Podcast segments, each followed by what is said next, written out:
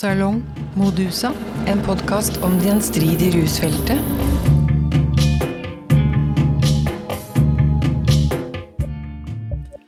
Hei, jeg heter Mette, og velkommen til en ny episode.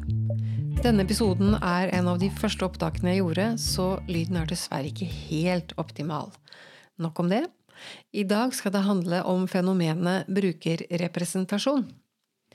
I dag finnes det en sterk politisk vilje til å innlemme brukerrepresentanter og erfaringskonsulenter i politikk, tjenesteutvikling, forskning og i direkte arbeid med klienter og pasienter. Dette gjør man for å sikre demokrati, menneskerettigheter og kvalitet og brukermedvirkning i tjenester og behandling. Men selv om fenomenet er en selvfølgelighet på rusfeltet, vil jeg si at fenomenet like selvfølgelig bringer med seg nye dilemmaer og spørsmål som jeg vil undersøke her i Salong Modusa. I god Modusa-stil og sterkt inspirert av den engelske sosiologiprofessoren Nicholas Rose spør jeg hvordan har borgere som bruker illegale stoffer blitt forstått innenfor bestemte praksiser? Hvilke teknologier og teknikker er knyttet til disse forståelsene? På hvilken måte har praksisene, teknologiene og teknikkene formet og konstruert måten disse borgerne forstår seg selv på? Og hvilke konsekvenser får dette? Er det en sammenheng mellom hva en brukerrepresentant kan være, og gjeldende politikk og praksis? Er brukere av illegale stoffer et homogent kollektiv som kan representeres av noen få? Den første jeg vil snakke med dette om, er sosialantropolog Alexandra Batarsko. Alexandra har en doktorgrad i sosialt arbeid og sosialpolitikk, og jobber som førsteemanuensis ved Vid vitenskapelig høgskole i Oslo. Vi tar utgangspunkt i hennes artikkel Shadow Committee on Drug User Voice Representation and Mobilization in a Norwegian Drug Policy Reform, som ble trykket i Contemporary Drug Problems eh, i 2021. Jeg skal legge ut link til artikkelen. Utgangspunktet for, eh, for artikkelen er en feltstudie fra protestaksjonen Skyggeutvalget, som oppsto etter at Høie utpekte de to som skulle representere brukernes interesser i rusreformutvalget. Her må jeg nevne at lederen for skyggeutvalget, Nikolai B. Johansen, er, han er min partner in crime og medstifter av stiftelsen Modusa, som denne podkasten her er en del av.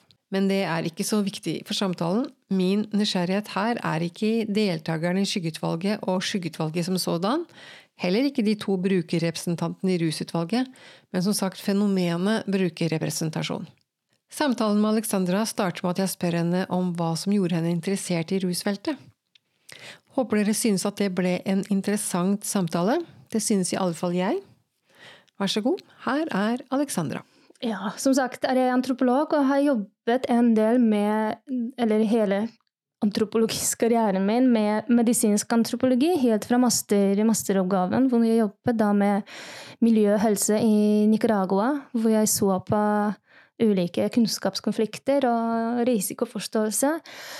Eh, og så jobbet jeg eh, videre med funksjonshemming og kroppsforståelser. Så på en måte det som driver meg både teoretisk og litt empirisk i det feltet, er interesse for hvordan forståelse av kroppen og normalitet blir forvaltet og innrammet av staten og tjenester. Så, så russfeltet på en måte ble forlengelse av disse interessene, men med en ny empiri. Eh, altså på samme måte som jeg så eh, funksjonshemmings eh, eh, Forståelse av funksjonshemming og hvordan avvik ble definert, og hvordan eh, medisin og sosialfag eh, eh, er forhandler på en måte om de ulike forståelser og modeller. Så da, så så jeg det. Det gjelder også på rusfeltet.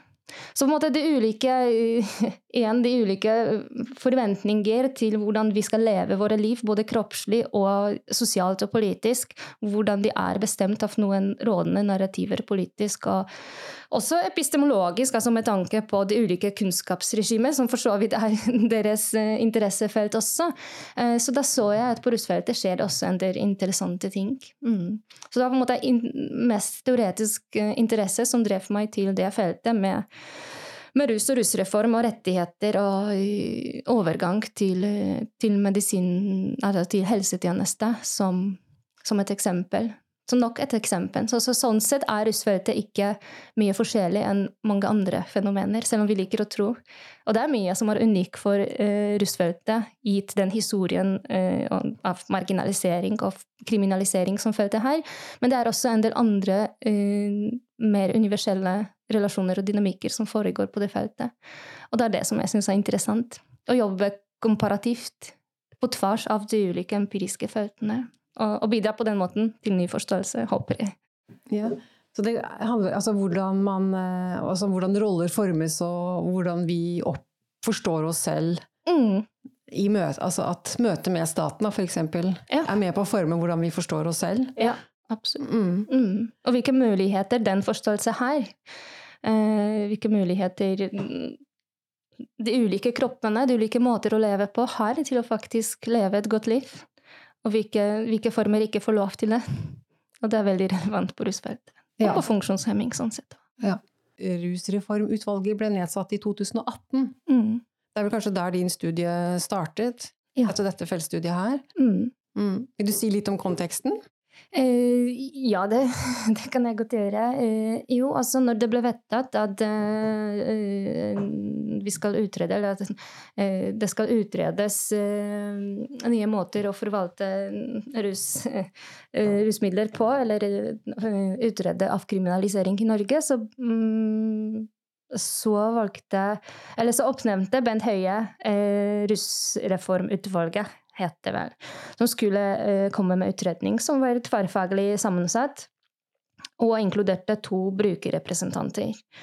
Uh, og Bent Høie uh, argumenterte tidligere, også i internasjonale fora, for at både i Norge og generelt internasjonalt er det utrolig viktig å få med seg sivile samfunn med i avgjørelser, og at i Norge er det naturlig at både brukerorganisasjoner og andre andre former for, eh, for representasjon av sivilt samfunn er med i disse avgjørelser. Så sånn sett, han, han, eh, for, han, eh, eh, han har vektlagt veldig mye den brukerstemme inn i utforming av politikken. Mm, og dermed ble to brukerne involvert i, eller invitert til å sitte i den gruppen. Eh, og da kom det mange reaksjoner. Litt uventa, kanskje. Kanskje uventa for folk som, i, eh, som har sittet i feltet lenge, som kjenner til historikken, dynamikken. For meg var det kanskje, kanskje ganske nytt, i og med at jeg ikke så på en måte erfaren inn i organisasjonsliv. Men, eh, men i hvert fall mange brukerne reagerte på eh, hvilke representanter som ble valgt. De mente at de to ikke representerte dem godt nok. Eh, de stilte spørsmål om eh, i hvilken grad er de ekte brukerne, så det begrepet ektehet og virkelighet, og eh, at han er ikke virkelig rusmisbruker, at han ikke representerer oss, begynte å komme frem. Så, så det ble veldig store diskusjoner. Og store og store. Det var store protester, gitt på en måte volumet på antall mennesker involvert, og hvor lite egentlig det feltet er, eh, proporsjonert til, til samfunnet. Eh, så ble det organisert eh, sånn Hva heter det? Det ble etablert en sånn mini-uformell organisasjon, Bruker stemmen på russfeltet, som arrangerte konsert som var mot Eh, mot, eh, mot, dette utvalget, og som prøvde å involvere flere brukerne inn i den. Mm, de prøvde å få med Arild Knutsen fra FHN. De prøvde å få eh, flere andre profilerte brukere og aktivister, både fra læresiden og fra skadereduksjonssiden. Så det ble ikke møtt med, med Altså, det ble ikke noe endring. Og så da eh, valgte noen aktivister sammen med, med noen akademikere å opprette sin egen organisasjon, hvor ideen var å levere eh, alternativ rapport til det som Russreformutvalget kommer. Og da kalte de seg Skyggeutvalget, med tanke på at de skulle parallelt med Høyesutvalget eh, jobbe med, med, å, med å foreslå endringer med utgangspunkt i de ekte brukerstemmene som, eh, som Bent Høie kunne ikke garantere gjennom sitt utvalg. Så det er på en måte det som var konteksten. Så jeg fulgte Skyggeutvalgets arbeid gjennom, gjennom det året. Politisk da, så snakker Mm. man jo ofte om brukerrepresentant og brukerstemmer som, som en ting, som noe helhetlig, som Mm. noe homogent. Mm. Men så så jo du blant protestene at uh, det forstås jo ikke sånn. Nei. Eh, Mm. Og det så du etter hvert også innad i, denne, i skyggeutvalget, at der var det jo også uenigheter dem imellom hva en brukerrepresentant er, eller Mm. hva en ekte er. At det, det er et stort mangfold, og mange har kanskje ikke noe mer til felles annet enn at de kanskje har brukt illegale psykoaktive stoffer. Nettopp. Mm. Så det Så allerede her, denne politiske ideen om eh, at vi skal være med på å utforme politikk, brukerstemmene, som om det er én ting. Ja. Hva, har, har du gjort deg noe Hva er liksom dine refleksjoner rundt det? Nei, det er kanskje det, som, det første som, eh, som jeg reagerte på i det feltet, var den, eh, den kategorien, altså bruker. Jeg som bruker. Og det, og det gjelder ikke nødvendigvis kun Skyggeutvalget og, eh, og russereformen, men allerede andre brukerorganisasjoner kommer med en forestilling at vi representerer én stemme. Og det er for så vidt naturlig, for når man ser på alle andre aktivistgrupper på andre felt, det er jo gitt at de er på en måte eh, Hva heter det? At eh, de, de, de, de samles om én ting og liksom viser til en slags eh, homogenitet inni, og det er på en måte behov for det for å få frem til politiske saker. Men eh, Fra politikkens side, da, Mm. politikere de er, jo ofte, de er jo opptatt av at brukerrepresentanten skal være representert, eller Mm. brukerstemmen skal være representert, Mm. og de forstår det jo som noe enhetlig noe. ja. Mm. Eh, og så sa du jo nå at det er jo på en måte viktig også for hvis man skal kjempe fram én sak, at man Mm. samler seg bak en sak. Men samtidig så er det jo så mye kom mer komplekst og vanskelig Ja. enn som så også. Mm. Ja, og det, jo, eh, og, og det særlig kanskje i den politiske konteksten eh, kan det virke eh, rart, kan vi si. For la oss si eh, Når du velger ut medlemmer til russeutvalget, så du ser på hvilken kompetanse de, de ulike personer har. Du kjører kanskje en diskusjon mellom eh, Hvis du velger en person fra helse, helsetjeneste, Da er det mest sannsynligvis noen diskusjoner hvem vi skulle velge, og noen diskusjoner mellom representanter, hvem som kan representere oss. Eh, og den diskusjonen tror jeg ikke foregår på samme måte hos, eh, når det gjelder brukerrepresentanter. Man, altså jeg vet ikke hva Bent Høie mente, men, eh, men i hvert fall det var ikke noen demokratisk diskusjon blant brukerne hvem vi tror kan representere oss best. Så det er én ting. Men også den forestilling selvfølgelig at brukerrepresentant er en sånn stabil kategori. At det er på en måte eh, mm, både sosial og politisk og erfaringsmessig helt urørlig størrelse som du på en måte kan bare ta, og som snakker på vegne av andre. Og det syns jeg er rett og slett merkelig, for når vi ser samtidig på all fokus på individuelle tjenester, individuell tilnærming, anerkjennelse av unikhet og mangfold generelt i samfunnet, så når du får plutselig sånn reifikasjon, også sånn homogenisering av akkurat innenfor gruppe, så det forundrer meg hvorfor på alle andre felt eller andre områder er på en måte individuelle forskjeller belyst veldig mye, og vi skal ta hensyn til det. Mens når det gjelder brukerrepresentant, blir det, ja, blir det helt omvendt, nesten. Ja. Så det, det, det, er litt interessant, da. Mm. Mm. For du skriver jo også et sted der at det er en litt sånn umulig konstruksjon. Mm. Og det handler vel kanskje noe om det du, det du sa nå? Mm. Altså det, det, er også litt avhengig, for jeg tror en av poengene til både Pitkin og meg er nettopp at det er vanskelig å bli enig om f.eks. brukerrepresentant representerer godt eller gjør en god jobb, fordi før vi er enige om hva vi mener den representanten skal gjøre. For hvis representanten skal bare fortelle om noen erfaringer personen kjenner fra feltet, det kan være greit nok hvis du tenker kognitiv på en måte resonnement og formidling av noen informasjon eller erfaringer fra feltet.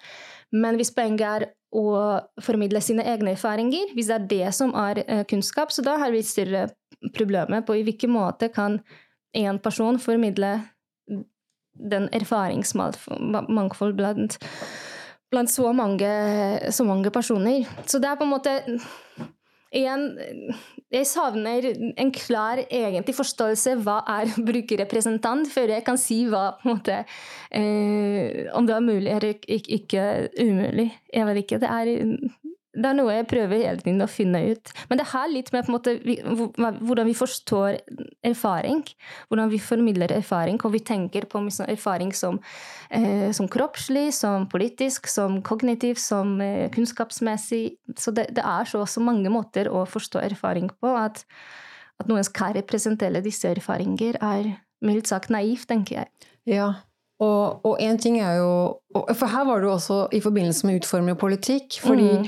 man kan jo ha opplevd noe likt. Mm. Altså sånn, man har jo alltid sin personlige fortolkning av det man opplever. Mm. Men man kan ha opplevd noe sånn ganske likt. Mm. Men allikevel ha forskjellige forståelser av hvilke løsninger som er best. For det, det så vi jo også at aktivister var jo motstandere altså Man tenker at flere med samme erfaringsbakgrunn var jo også motstandere i debatten mm. om rusreformen. Noen er jo veldig glade for at den ikke ble noe av, mens andre er veldig skuffa. Mm. Så det viser jo også noe. Og begge er eh, bruker... Er, har erfaring da, og kunne vært en eh, brukerrepresentant, sånn sett. Ja. Absolutt. Og sånn sett kan du også si at det, det råder en del tilfeldighet i, i, i, utvalg. For hadde det vært andre personer, kanskje, så ville det endre litt annerledes. Selv om som jeg tror men det er også en diskusjon hvordan prosessen i selve arbeidet og utredning har foregått, og hvilken betydning brukerne hadde der. For på, jeg mener at på samme måte kan vi diskutere de andre medlemmer. Det er det som er også mitt poeng, at hvis du hadde en helsepersonell eller jurist som også har sine tolkninger, som også er representant, så kanskje det er det som er mitt poeng, at den diskusjonen må gjelde alle medlemmer i alle typer utvalg som utformer politikk. Mens når du begynner å stille de spørsmål i forhold til brukerrepresentanter, eh, er det litt vanskeligere. Da møter du mye motstand. For det, også, det har litt med historikken å gjøre.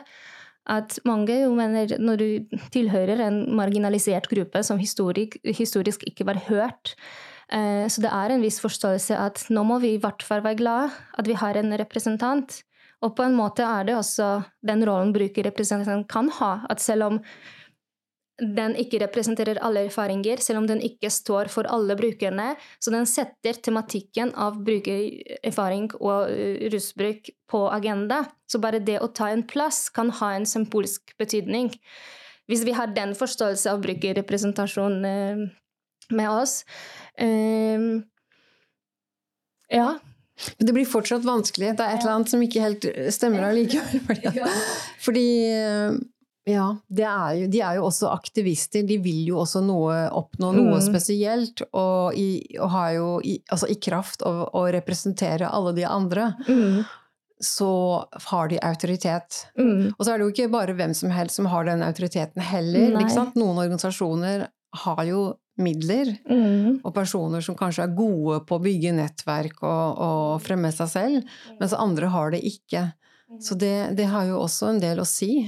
Ja, absolutt. For, for, jeg tror det var Hildegunn Olsen som skrev eh, for en del år siden om hvem, eh, hva som må til til å bli hørt som en brukerrepresentant eller brukerorganisasjon. At det er betydelig både språklig, sosial og politisk kapital du trenger å ha med seg for å kunne i det hele tatt være med i det spillet. Eh, for når du først kommer inn i en politisk felt, så da må du snakke politisk språk. Når du er med i brukerrådet på en institusjon, da må du snakke institusjonsspråk, så du må inngå noen kompromisser. Og så er det den der eh, balansen, i hvilken grad må du i gåsetegn selge sjela si for å bli hørt i noen institusjonelle sammenhenger, eh, og i hvilken grad skal du ikke gjøre det utfordrende. Jeg tror det var eh, Ida Olsen fra, fra Prolandet hun skrev en fin artikkel nettopp om den, om eh, profesjonelle representanter. ikke sant? At man, når man begynner å jobbe som representant og brukerorganisasjon, så man blir såpass innlemmet i de logikker inni feltet at man blir eh, i større og større grad fjern altså eh, fjerner seg fra, eh, fra, brukerne sine, men begynner å bli mer og mer på behandlingsside eller på politisk side. Så, så hun utfordrer nettopp til å prøve å finne liksom, balansen der. Men Eh, men du sa også noe om eh, jo, at på en måte bruker, Altså det at noen har felles erfaring, for det også jeg prøver å diskutere, og det har vært diskutert i på en måte feministisk litteratur lenge, da, i hvilken grad det at vi har noe felles, garanterer for at vi står for samme løsninger. Eh, og i kvinneforskning og funksjonshemmingsforskning for så vidt også, eh, er det tydelig, og mye tyder på at det er ikke noe garantist for at vi, vi, har samme perspektiver. Det at jeg er en kvinne, ikke nødvendigvis betyr at jeg tenker det samme, at jeg har samme verdier som deg og ser de samme løsninger. Tvert imot. Og det er på en måte nå akseptert i mange andre felt eh, at felles karakteristika ikke er nok til å kunne, til å kunne på en måte fremme din stemme, eller vår egen stemme, vår stemme. Og det var for så vidt det som skjedde også med Skyggeutvalget. at på en måte Lederen delte jo ikke disse karakteristikkene. Han var jo ikke bruker, men var, han representerte altså Mange brukerne følte at han representerte deres stemme. Så det er det Pitkin kaller for den eh, symbolsk representasjon. At selv om du ikke, har, selv om du ikke er russbruker, så du kan også eh, formidle deres syn og deres verdier. Så det syns jeg er kjempekomplisert, på en måte, for det, jeg tror det er det som var uh, hele poenget med skyggeutvalget, og det som prøver å belyse, at man ønsker seg alt. Man ønsker at vi har både brukerrepresentant med skikkelige erfaringer, det kan vi også diskutere, hva er skikkelige erfaringer, men som på en måte spiller inn den forestillingen om rusbruker med erfaringer, tunge erfaringer, eh, samtidig som den representerer vår idé hva vi vil, i den konteksten var det at vi ønsker avkriminalisering og gjerne legalisering. Eh, og på en måte at alt stemmer. og, og, det er jo liksom, og Derfor jeg kaller det umulig konstruksjon. på en måte Du kan ikke ha alle disse elementene i én person. Det som også er interessant, for artikkelen er jo skrevet før NOU har kommet. Og når NOU har kommet, og den foreslo avkriminalisering ganske greit eh, greit Eller ganske på en måte mange, mange av de som for å si det sånn, mange av de som var mot disse representantene, var ganske fornøyd med resultatet. Eh, og plutselig var det ikke så farlig med disse brukerrepresentanter, for de leverte det vi ønska. Eh, så da er også den diskusjonen ok, så var det protester mot hvem representanter var, eller hva de sto for. For jeg, jeg opplevde, og tror jeg også nevner det, at eh, de to brukerne har ikke fått engang sjanse til å bevise hva de står for. Eh, selvfølgelig det ligger noe historikk, man kjenner hva de sto for, ti, de sto for tidligere osv., men, men kritikken gikk ikke nødvendigvis på eh, deres meninger og hva de representerer, men også hvem de var som personer. Så det, det er kombinasjon av igjen, de deskriptive elementer. I hvilken grad er du russbruker, sånn identitetsmessig, og hvilke løsninger du ser rent eh, praktisk og teknisk hva du kommer til å levere. Så ja. For du skriver et eller annet at vi må også stille oss spørsmålet om hva er det som former interessene til brukerrepresentantene? Det, det er jo et mangfold av opplevelser og, og forståelser. Mm. Hvis man tenker først at det er med en borger som bruker illegale psykoaktive stoffer, mm. og så er det en eller annen prosess med at du transformeres inn til en brukerrepresentant. Mm. Og det er jo vanskelig å si noe om helt eksakt hva som skjer der, men det er jo noe som skjer der. Det skjer jo i en kontekst. Mm. Og det, jeg tenker at man kan jo ikke innta hvilken som helst posisjon heller. Nei, Nei for, der er, eh, for da er det en del begrensede posisjoner du kan ha. Det er en type utvalg av sosiale og politiske roller du kan ha, da. Eh, at ok, du kan være den evige motstander La oss Hvis vi ser på tilgjengelige roller vi har i, i Norge, ikke sant? at du er på en måte den som eh, Du har den historien om en en eh, tynn rusbruker som har fått til en fantastisk liv, den solskinnshistoria, ikke sant? Eh, og som har gått gjennom én type behandling, og fremmer den type behandling. Så har du en som, eh, som fremmer at bruk av stoffer er fint, og vi skal legalisere, og så ok, men da inntar du også den, denne kategorien. Så du har en del historier du kan, uh, du kan på en måte selge, kan vi si, eller du kan oppfylle. Uh, og Ja, ut fra disse historiene Da er du satt i en boss, på en måte. At ok, du har representant som ønsker legalisering. Du har representant som, eh, som ønsker en dialog, for så vidt. Du har en representant som eh, er kanskje mer fleksibel politisk. Jeg vet ikke. Men det, nei, det er et godt spørsmål, egentlig, hvilke, hvilke posisjoner vi kan ha. Eh, og så har vi også sånne posisjoner som er vanskelig å kategorisere. Og det, det syns jeg er spennende. Når du er på en måte en som har brukererfaring, men samtidig har fått f.eks. utdanning og har blitt til en profesjonell. Eh, og da har du på en måte to roller. Har du både profesjonell og brukerrepresentant. Og hvorfor kan du ikke sitte i brukerrådet? Fordi hvis du er, hvis du er blitt en lege, skal du sitte i russreformutvalget som en lege eller som brukerrepresentant? Og hvorfor ikke brukerrepresentant, egentlig, selv om du har disse erfaringer? Så hvem som definerer egentlig hvilken rolle du kan innta, er også interessant. Om det er Eh, om det er politikerne, eller om det er de du skal representere. For det er en type sånn prosess for autorisering som må foregå. Hvilke stemmer som, og på hvilken måte blir de autorisert om det er ovenfra, at på en måte, ok, i dette utvalget ønsker vi disse stemmer, disse historiene, eller om det er de som skal representeres, at vi syns f.eks. at ok, leder for skyggeutvalget kan representere oss, og den er autorisert. Samtidig som det er sagt at skyggeutvalget var en ganske liten gruppe. Eh, så det, det, det, må ikke høres ut som da halvparten av Norge var med i å, i å protestere. Det, men, men det, viser til noe liksom, prosessen som foregår der. Da. Man kan jo si at forskjellige politikere har sine yndlingsrepresentanter, kanskje? Og en annen type på en måte, transparens hadde vært fint å ha med altså F.eks. når Bent Høie uh, inviterte brukerne. altså Rett og slett å forklare hvorfor. Hvorfor disse brukerne? Ikke sant? Det savnet jeg.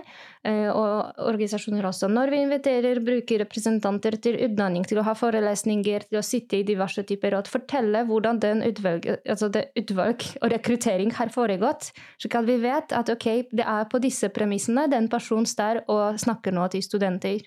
At det ikke blir helt eh, tilfeldig valgt person.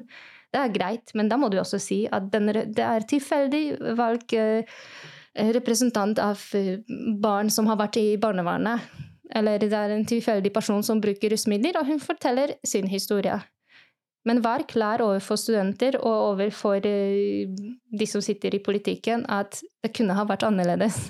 Den historien kunne vært helt annerledes, og vi kan ikke måte basere vår Vi kan ikke kalle det kunnskapsgrunnlag på samme måte. Vi kan si at det er individuelle erfaringsgrunnlag som kan inspirere, som kan trygge, som, skal, som kan måte gi oss mye, men ikke alt. Noe sånt. Ja, fint. Ja, jeg er enig. Ja. Men det, problemet er at det representerer Det presenteres jo som et Det skal jo likestilles med annen kunnskap, og da får vi jo nye mm. problemer. Ja. Og da beveger vi oss inn på nytt problemområde, også det med i undervisning og, og ja. Og i tjenester, som blir jo en ny diskusjon igjen. Ja, og ikke minst forskning. Og kanskje, for jeg, som antropolog, så det, mange av disse diskusjonene i feltet som, eh, er, som kommer fra nat, liksom, medisinsk forskning og naturfaglig tenkning, er bisarre. For med antropologisk uh, blikk og mm, trening, eller min utdanning, så for meg var det alltid skapte Ideen er at du skaper kunnskap sammen med dem du jobber sammen med. Når du skal ut i feltet, så dere produserer sammen kunnskapen. Og det forestilling om at jeg er en forsker, du er en brukerrepresentant, og så jeg skal involvere deg plutselig inn i, inn i måte, min forskningsprosjekt, f.eks. For det er altså merkelig konstruksjon, men det er tydelig at det er tradisjoner fra medisin hvor pasienten og bruker aldri vært involvert i diskusjoner. Den der paternalistisk eh, eh, relasjon. Så kanskje derfor jeg stusser over noen av disse konstruksjoner, at de er på en måte kunstige. Og kanskje det burde være omvendt. At, jeg vet ikke, Hvis jeg skulle haie på noe antropologi, så da kunne man kanskje ta litt mer det blikket inn i, inn i medisin enn omvendt. At vi skal tvinge alle andre til å begynne med å polarisere for å inkludere på nytt. Eh, det er litt sånn ja, så det er sikkert også fag, eh, sånn disiplinpolitisk diskusjon der også, da. Forskningspolitisk. Ja, det er høyeste grad. Ja. ja helt nye vanner. Men det er ikke sånn, alt handler om den dynamikken. Liksom, vi produserer kunstige en polarisering igjen, kunstige kategorier, og så prøver vi å slå det sammen. Så det kanskje vi begynner helt feil vei. Jeg vet ikke. Vi savner mer diskusjon. Ja. Refleksjon over begreper og kategorier. ja. Tusen takk, Alexandra. Det var Ja. kjempefint. Takk Veldig for interessant. invitasjonen. Velkommen igjen. Takk. Vi ses.